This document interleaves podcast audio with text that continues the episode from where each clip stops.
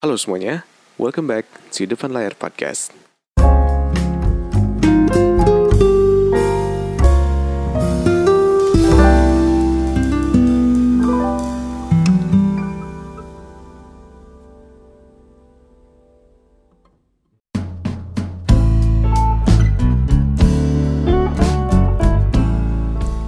Halo semuanya, balik lagi di depan layar podcast. Apa kabar kalian semua? Apa kabar kalian semua hari ini? Gue doain semoga semuanya baik-baik aja. Semoga semuanya ya lagi kalian lagi kerjain semuanya beres dan lancar aja ya. Dan kesehatan kalian juga kalau bisa semuanya baik-baik aja di tengah pandemi yang sekarang masih meningkat ya di Indo. Aduh, kenapa sih? Bu ya di rumah dulu lah. Tapi ya gimana ya orang juga butuh duit keluar jadi ya ah, nggak tahu deh nggak ikutan. Nggak tahu gue bingung. Nah habis itu hmm, apa uh, apa kabar kalian semua? Thank you banget buat kalian yang udah dengerin podcast gue hari ini dan yang dari awal sampai akhir. Kalau yang baru dengerin podcast gue hari ini mau dengerin podcast gue yang sebelumnya ada di Apple Podcast ada di Anchor ada di Spotify dan ada di YouTube. Dan gue juga mau terima kasih buat kalian juga yang udah mau kontak gue mau lewat DM kayak email kayak atau ya sebatas komentar di YouTube juga gue udah terima kasih banget. Jadinya gue ada insight baru plus ada komunikasi sama kalian gitu. Dan habis itu gue juga mau thank you buat kalian semua yang udah nge-share podcast gue dan ya merekomendasikan podcast gue ke yang lainnya gitu. Nah kemarin adalah hari terakhir kita ngomongin podcast depan layar di bulan Mei. Dan sekarang udah masuk bulan Juni lagi udah cepet banget ya. Udah lumayan cepet padahal kita di rumah terus gitu ya. Tapi sekarang bulan Juni diawali dengan sebuah podcast yang sebenarnya waktu itu gue udah pernah nge-share di Instagram. Kalau misalkan untuk kalian semua yang udah pernah uh, yang udah nge-follow Instagram gue pribadi gue lu pasti udah tahu tentang uh, apa yang mau gue bahas hari ini ya dari judulnya juga udah tau lah gitu. Dan oh ya sebelum lupa kalau untuk kalian semua yang masih ngefollow depan layar podcast di Instagram gue sorry banget kalau misalkan itu Instagram agak sulit buat ngupload tiap tiap waktu gitu ya. Karena sekarang gue lebih apa ya gue lagi lagi banyak kerjaan dan gue harus bikin konten juga. Lagi mau banyak collab sama teman-teman gue lain gue mau ngomongin banyak hal. Jadi gue nggak ada waktu buat bikin konten di uh, podcast yang eh di, Instagram yang eh, depan layar podcast. Ya cuman beberapa doang. Gue bisa lah selip-selipin waktu tapi gue lebih seringnya upload di uh, main IG gue dan di situ gue bakal nge-share banyak hal. Dan gue juga bakal simpen di highlight IG gue supaya kalian yang mau belajar juga khususnya kayak podcast yang hari ini temanya hari ini itu juga gue udah pernah bikin di Instagram. Jadi kalau misalkan kalian mau lihat secara garis besarnya dan kalian gak ada waktu buat dengerin podcast gue lu bisa lihat di highlight Instagram gue gitu. Nah apa lagi ya? Ya gitu aja deh. Habis itu oh ya oke di kita masuk aja ke podcast hari ini. Podcast hari ini gue mau ngomongin mengenai sebuah tema yang di mana ini tuh ngetren banget waktu itu waktu ada film Joker. Inget nggak lo yang di mana orang-orang tuh langsung ngerasa kayak aduh kayaknya aku gangguan mental. Aku memiliki apa namanya uh, bipolar atau apa gitu. Yang langsung ngaku ngaku gitu loh gara-gara cuman film Joker doang gitu. Dan di sini gue bikin gue ngerasa kayak apa ya? Kayak gue ngerasa kasihan sama orang-orang yang memang bener-bener gangguan mental asli gitu ya. Dan ketika mereka rasa seperti itu mereka justru dianggap kayak diremehkan gitu loh. Kayak karena kebanyakan orang yang sosokan ngaku-ngaku uh, mental illness gitu.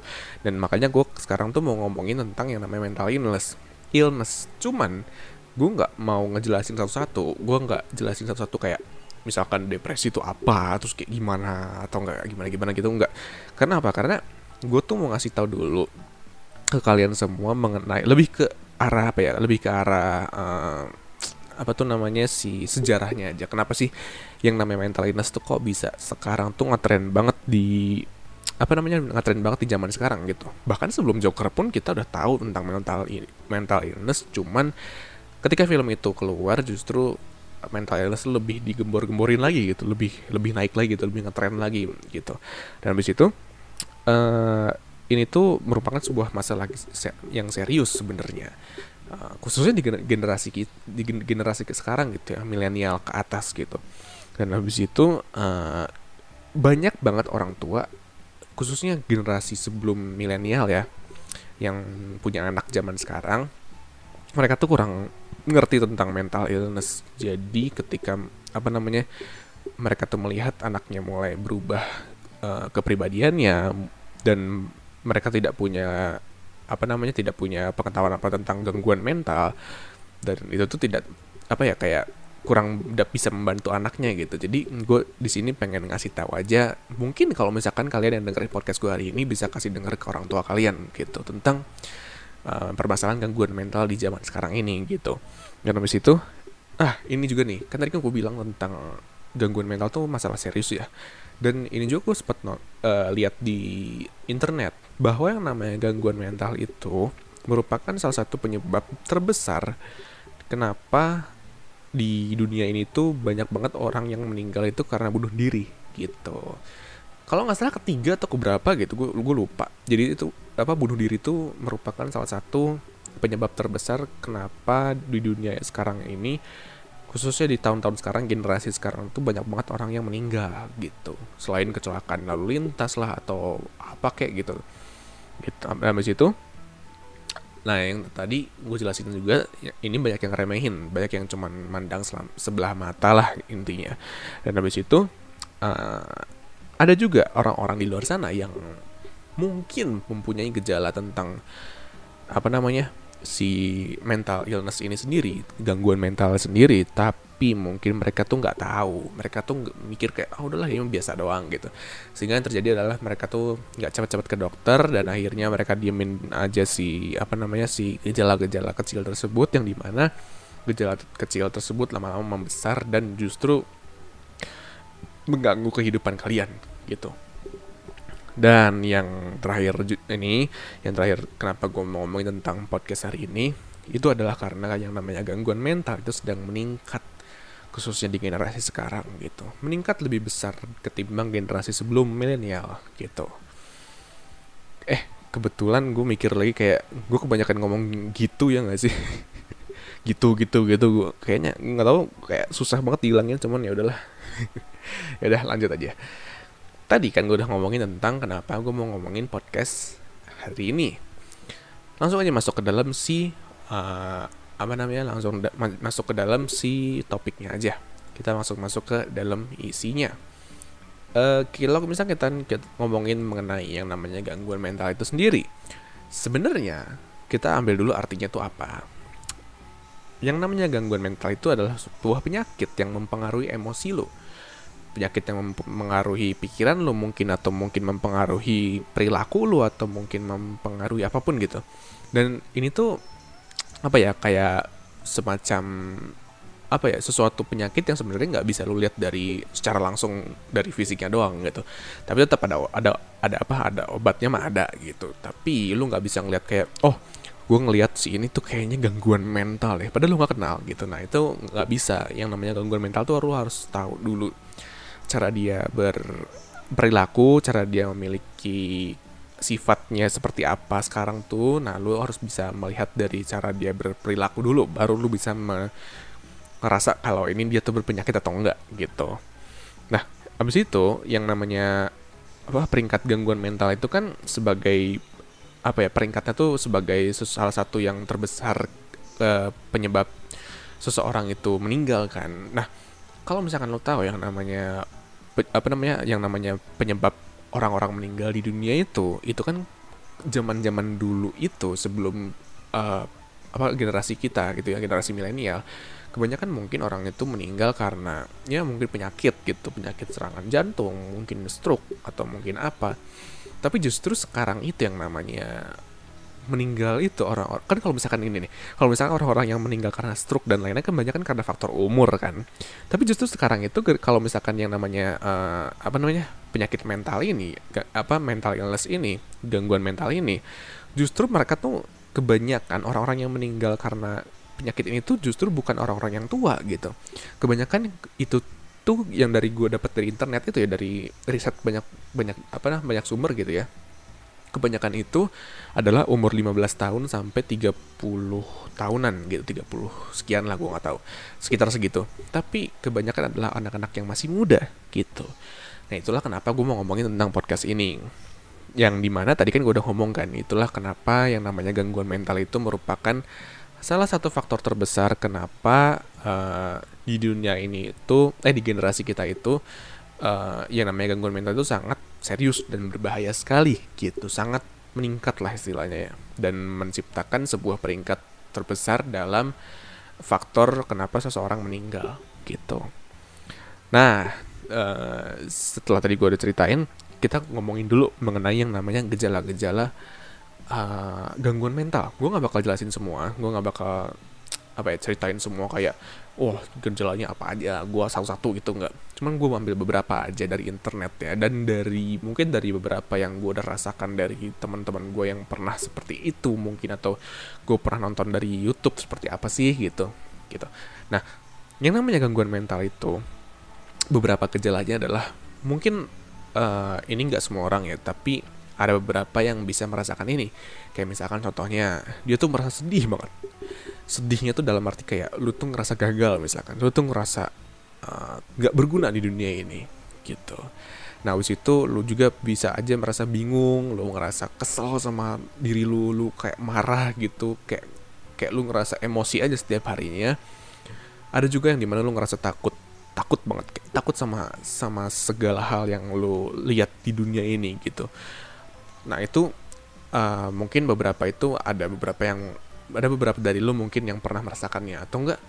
Ada juga yang pernah delusi atau halusina, halusinasi mungkin yang di mana dia tiba-tiba menghayal sesuatu yang emang bener-bener uh, di luar apa ya di luar logika mungkin. Abis itu mungkin lo kayak ngerasa nggak punya harapan nggak punya apa ya lu kayak nggak ada harapan aja gitu nggak ada tujuan lagi. Gue kayak nggak tahu mau ngapain. Dan abis itu dua lagi deh dua lagi. Mungkin lu apa namanya mungkin ada yang merasa tiba-tiba moodnya uh, kayak ganti secara cepat gitu drastis perubahan moodnya atau mungkin yang kehilangan kemampuan untuk berkonsentrasi mungkin gitu. Dan dari situ ada yang ansos juga yang dia tuh yang awalnya sosialisasi banget abis itu dia langsung ansos. Dan akhirnya semua itu semua hal yang tadi gue ceritain tadi ujung-ujungnya menciptakan sebuah pikiran satu pikiran yang di mana lo itu berpikir untuk menyudahi semuanya gitu. Yang di mana lo berpikir untuk bunuh diri gitu. Dan itu banyak banget. Jujur loh gue mau cerita ya banyak banget tuh teman-teman gue yang punya pikiran seperti itu. Dan gue pun pernah berpikir seperti itu. Uh, jangan salah kayak wah lu so tau jos. Nggak gue pernah berpikir seperti itu. Gue pernah mengalaminya. Nanti gue ceritain gitu dan abis itu, setelah gejala-gejala tadi yang gue udah ceritain, itu tuh menciptakan banyak banget uh, macam-macam gangguan mental di luar sana gitu. Gue gak bakal ceritain semua juga. Jadi gangguan mental itu ada beberapa. Contohnya nih, gue kasih tiga aja ya. Kayak misalkan gangguan apa ya kecemasan misalkan.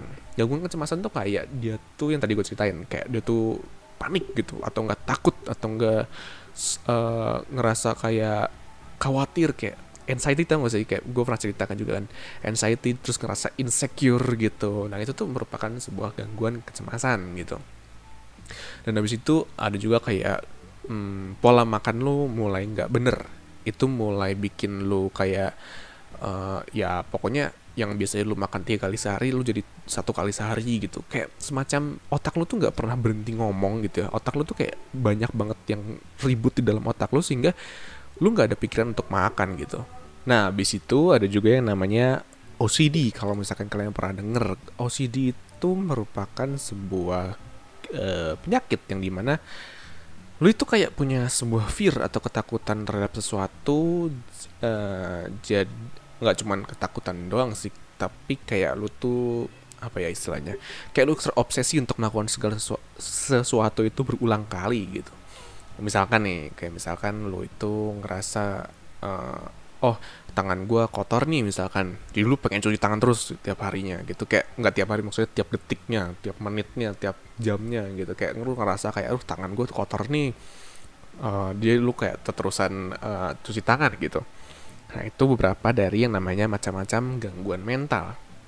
Nah, mungkin lu pengen tahu kan, lu pernah gak sih ngerasa, nih gue tanya nih sama lu ya, pernah gak sih lu ngerasa, atau enggak, bukan ngerasa, lu mikir deh, orang-orang yang di mana mereka tuh lahir di tahun berapa ya, 60 80-an, 60 sampai 80-an misalkan, orang tua kita aja, uh, mungkin lu pernah mikir gak sih, kayak jarang deh dari mereka yang pernah merasakan yang namanya gangguan mental, ya nggak? Kayak gue nggak pernah lo ngedenger orang tua gue atau orang tua teman-teman gue yang di mana mereka tuh ngomongin tentang gangguan mental. Atau enggak jangan jauh-jauh deh. Mungkin misalkan kayak uh, apa ya misalkan kayak orang-orang yang terkenal tapi yang umurnya udah 40 50 tahunan gue jarang gue jarang loh per, ngedenger mereka ngomongin tentang gangguan mental sebelum gangguan mental itu tuh sendiri trending di uh, tahun-tahun sekarang gitu. Ya nggak sih? Dan ternyata setelah gue research research gitu ya gue riset gitu ternyata ada beberapa hal yang uh, menjadi faktor atau penyebab kenapa gangguan mental itu bener-bener apa ya rentan banget sama anak-anak zaman sekarang gitu oke okay. story time gue bakal ceritain segala sesuatu dari awal sampai akhir kenapa yang namanya gangguan mental itu bener-bener uh, bis apa namanya apa bener-bener mempengaruhi dan rentan banget untuk anak-anak zaman sekarang gitu. Gini. Jadi, kita samakan dulu perspektif kita mengenai anak zaman sekarang. Karena anak zaman sekarang sebenarnya ada generasi Z sama ada generasi milenial. Tapi gue samain aja milenial gitu. Gue gua satuin aja ya. Kita sepakat dulu tentang itu.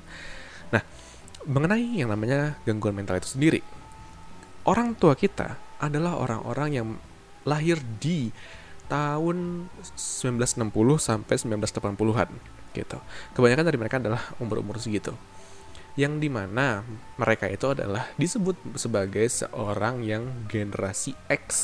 Generasi X ini mereka merupakan produk atau anak dari generasi baby boomer yang di mana lahir tahun 40-an atau mungkin yang generasi silent generation atau orang-orang yang lahir di tahun 1920-an gitu. Jadi orang tua mereka itu ya uh, istilahnya apa ya? kakek atau nenek kita ya. Mereka adalah generasi baby boomer atau enggak generasi uh, silent generation gitu. Nah, generasi orang tua kita, generasi X ini dididik dengan cara yang keras. Keras banget yang di mana mungkin lu pernah denger gak sih mereka itu uh, dibanding-bandingin zaman sekarang anak sekarang tuh uh, apa uh, manja ya zaman dulu zaman papa mama dipukul sama pe pakai penggadu sama guru kita nggak pernah ngadu tuh pernah gak sih lu nggak kayak gitu dan itu adalah salah satu contoh dari kerasnya pendidik uh, didikan kepada anak-anak generasi X dulu gitu. Nah sekarang gue tanya kenapa mereka didik dengan keras? Jawabannya adalah karena generasi sebelumnya, generasi kakek neneknya, eh kakek nenek kita gitu ya, mereka adalah eh, generasi yang sangat keras di dunia yang sangat keras. Kenapa keras? Contoh penjajahan atau enggak perang dunia atau enggak agresi militer Belanda gitu misalkan. Kan zaman dulu kan kita di Indonesia. Terus ada G30S zaman dulu. Ya semacam itulah. Ngerti lah maksud gue jadi emang generasi-generasi yang emang ya lingkungan mereka tuh keras gitu lingkungan mereka tuh jahat. Jadi mereka itu punya punya apa ya semacam punya uh, pikiran atau punya mindset di mana dunia itu realistis kepada dunia itu sangat realistis. Yang di mana mereka mikir kayak oke okay, dunia itu dunia itu memang keras dunia itu memang susah sulit ya udah gue harus uh, apa namanya hidup dengan keras dan sulit gitu. Gue harus bekerja dan usaha gitu. Sehingga mereka tuh adalah orang-orang yang kalau misalkan dikasih kerjaan ya udah gue nggak bakal minta uang yang lebih gue nggak bakal minta gaji yang lebih. Kalau gue memang segini adanya ya udah gue terima aja gitu. Oh itu adalah orang-orang yang zaman dulu zaman generasi baby boomer atau silent generations. Hingga akhirnya mereka punya anak yaitu generasi X. Tapi mereka tetap dididik tetap dididik dengan cara yang keras gitu.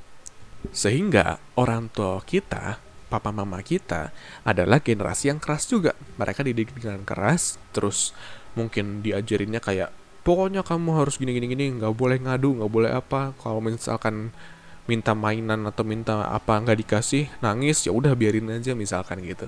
Sehingga ya orang tua kita sama-sama seperti orang uh, orang tua mereka jadi mereka tuh realistis pikirannya pikirannya ya hidup itu susah lah intinya nggak boleh nyerah nggak boleh nggak boleh mundur maju terus jangan berhenti berusaha gitu. Nah itu dididik mereka tuh dididik seperti itu dari kecil. Tapi kalau misalkan lu tahu generasi X generasi papa mama kita mereka itu hidup di zaman uh, dunia yang sedang bagus-bagusnya.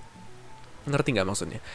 Dunia yang sedang baik-baiknya di mana industri itu sedang meroket ekonomi membaik terus kita udah udah apa nggak ada perang-perangan lagi. Pokoknya dunia itu semakin kayak kita tuh healing gitu. Dunia kita tuh mulai membaik lah istilahnya.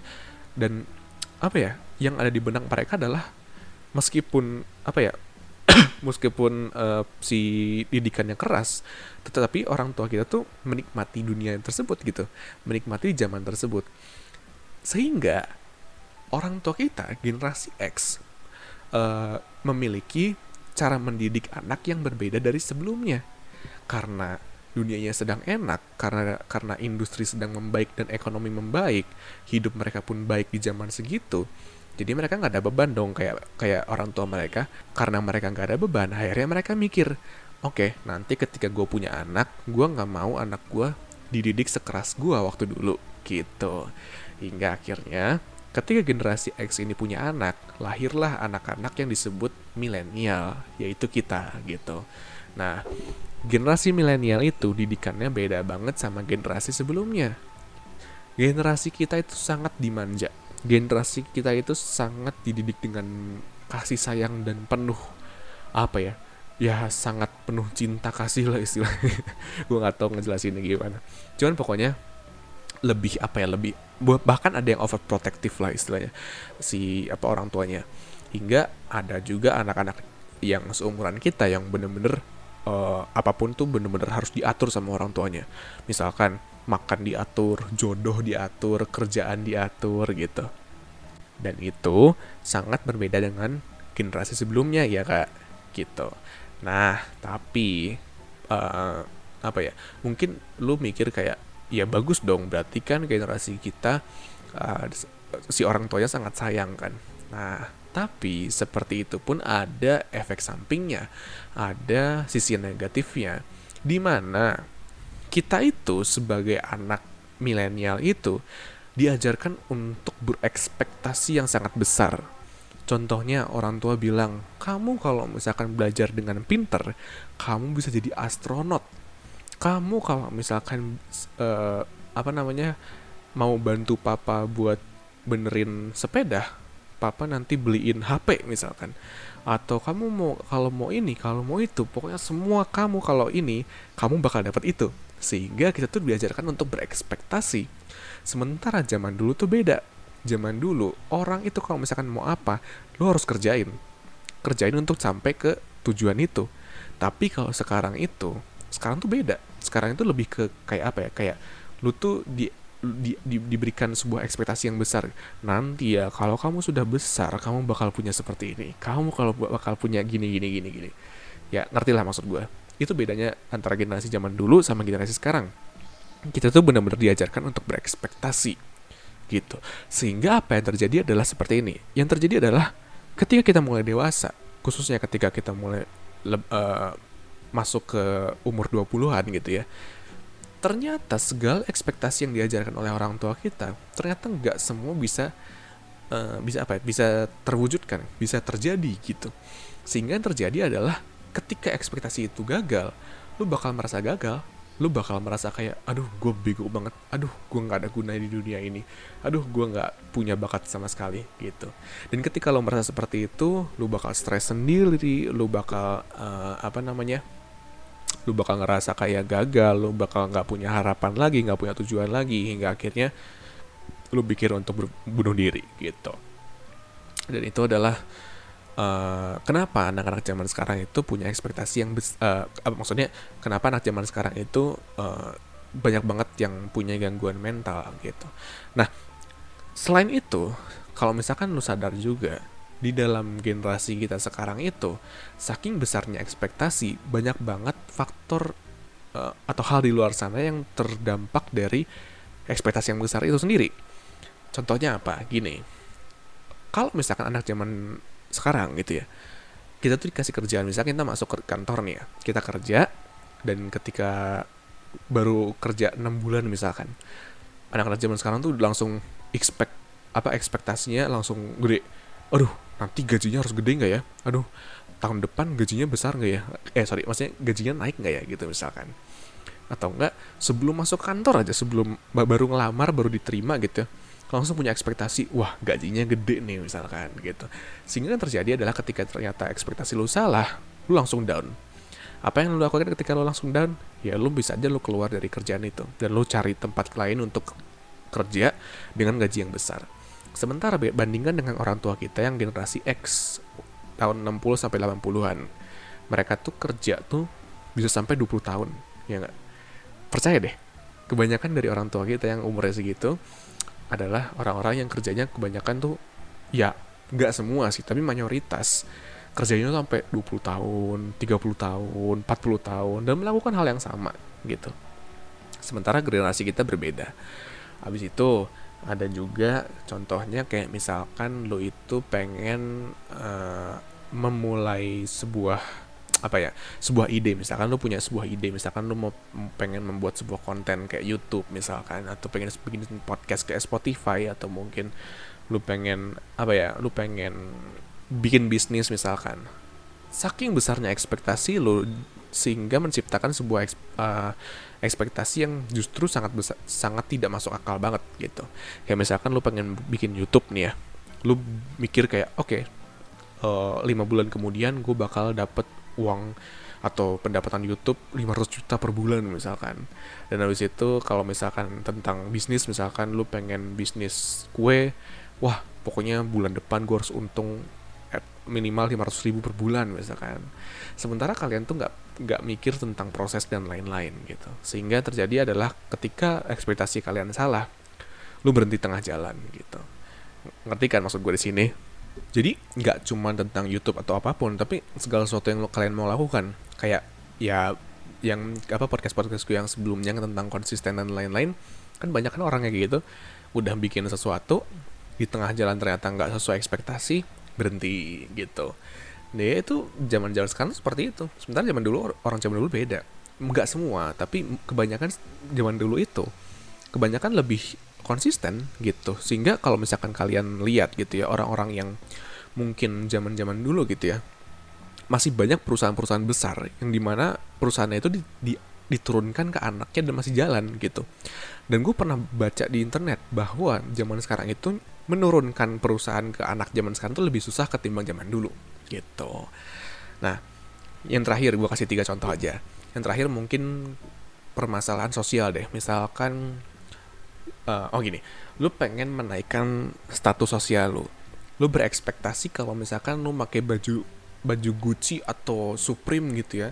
Lu pakai jam Rolex atau jam apa atau pakai sepatu yang mahal outfit lu 500 juta misalkan lu berekspektasi oh, orang bakal mau nemenin gue nih orang bakal nganggap gue hebat sosial status gue bakal naik misalkan.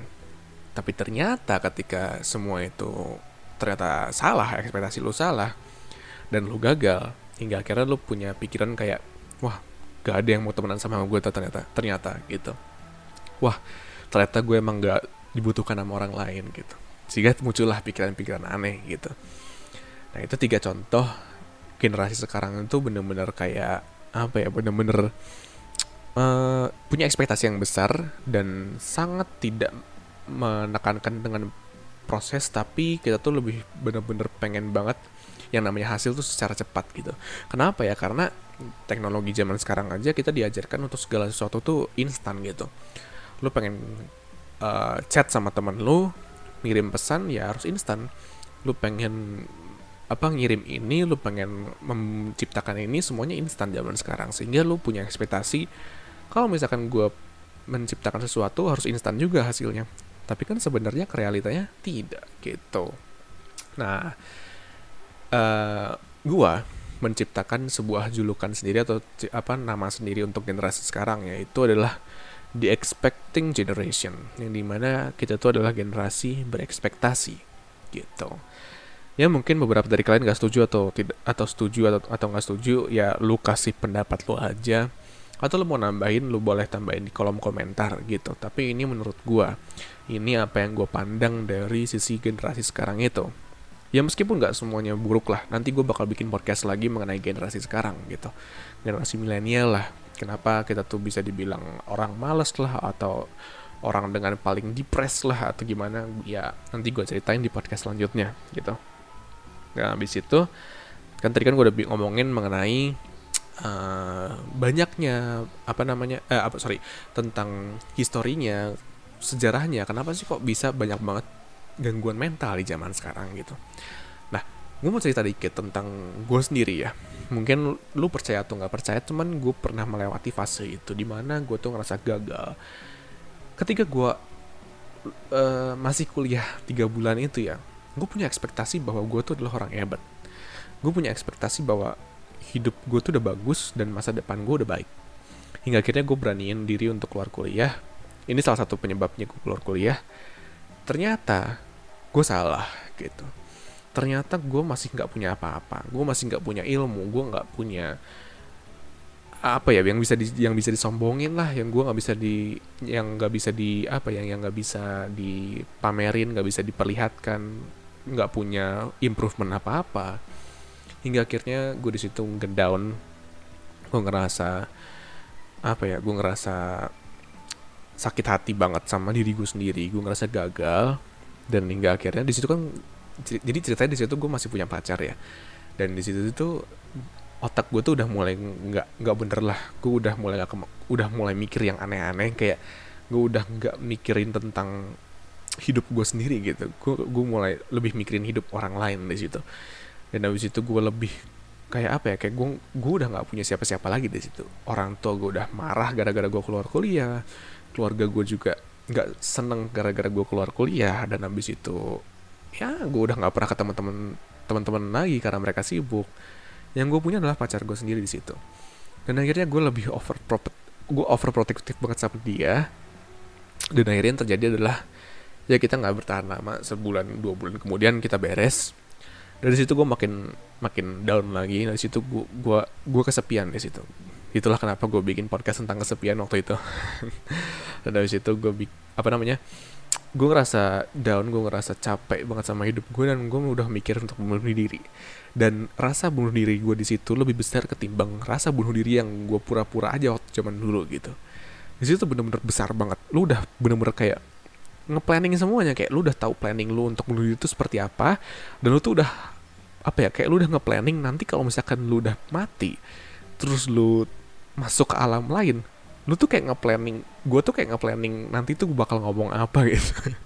Tapi serius deh ya mungkin orang nggak percaya ya. Gue nggak pernah ceritain ini ke teman-teman gue sih kayak maksudnya ya ada sih beberapa yang gue ceritain tapi nggak semua orang gue ceritain karena gue nggak yakin semua orang peduli sih gitu hingga akhirnya gue mulai apa ya gue mulai istilahnya apa ya kayak gue mulai me memperbaiki lagi mindset gue dan abis itu gue mulai memperbaiki segala se segala yang gue punya. Gue mulai cari cara untuk survive hidup gue dan akhirnya gue sampai di sini gitu. Ya kalau misalkan gue nggak melewati hal itu gue nggak bakal ada di sini sih gitu. Gue pasti gue kita kan kayak sebelum gue melewati hal itu gue adalah orang yang berbeda banget. Gue nggak perlu sama orang gue ya gue cuma perlu sama diri sendiri doang gitu kan. Dan habis itu ya akhirnya terciptalah uh, Joshua yang sekarang gitu. Nah itu cerita gue mengenai yang namanya ha hampir merasakan yang namanya mental illness. Dan itu adalah beberapa gejala yang gue rasakan. Dan mungkin ada beberapa dari kalian yang merasakan seperti itu. Kalau misalnya kalian udah merasakan hal seperti itu ada baiknya untuk pergi ke dokter atau cerita ke teman kalian gitu. Ceritain ke ke teman-teman kalian yang mungkin dekat sama kalian kalau misalkan kalian emang nggak punya teman dari dulu ya nggak apa-apa nggak apa-apa. Pergi aja ke dokter jangan malu untuk ceritain ke dokter yang memang spesialis untuk ngomongin tentang masalah mental gitu. Dan habis itu kalau misalkan uh, lu melihat temen lu yang seperti ini karena ada beberapa teman gue yang seperti ini juga kok ajak untuk ngobrol gak usah gak usah kayak nanya kayak eh lu kenapa sih? Nggak jangan. Lu ajak ngobrol aja. Kayak misalkan lu ajak cerita kayak eh lu tau gak kemarin gue pergi ke sini gue beli apa? Misalkan. Lu suka ini kan? Ayolah kapan-kapan kalau misalkan covid udah beres kita pergi yuk main gitu. Kayak gitu aja. Kayak lu kayak ngerasa dia tuh manusia gitu. Karena ketika orang merasa seperti down dan lain-lain kayak gejala-gejala gangguan mental mereka tuh udah gak ngerasa seperti sebagai manusia lagi. Serius. Karena gue udah pernah merasakan seperti itu gitu tapi lu jangan pernah bilang kayak ah lu mau biasa masalah kayak gitu. Ah lu mau kayak apaan sih? Cengeng banget. Jangan. Lu harus bisa temenin dia. Lu harus bisa ya lu harus bisa anggap dia sebagai manusia lagi. Lu harus bisa bikin dia berada di dunia ini lagi gitu. Dan habis itu ya di, di luar sana juga kalau misalkan lu merasakan yang tadi gue ceritain itu ya gejala-gejalanya di luar sana di Indonesia ada uh, apa namanya banyak banget komunitas yang memang bersedia untuk membantu lu untuk mengatasi uh, gangguan mental lu atau apa ya mem, mem, memperbaiki atau menjaga kesehatan mental lu gitu. Dan sangat banyak banget kalau nggak salah beberapa tahun yang lalu juga Indonesia udah bikin hotline untuk uh, prevensi bunuh diri di kalau nggak salah gitu. Nah contohnya contoh komunitasnya kayak ada Depression Warriors Indonesia DWI itu gue pernah denger. Terus ada yang namanya Get Happy terus ada Into the Light terus ada sehatmental.id ya itu contoh-contohnya aja gitu. Kalau misalnya kalian emang pengen sharing sama mereka lu boleh cek mereka lah gitu. Nah sebagai penutup gue udah capek juga bikin podcastnya.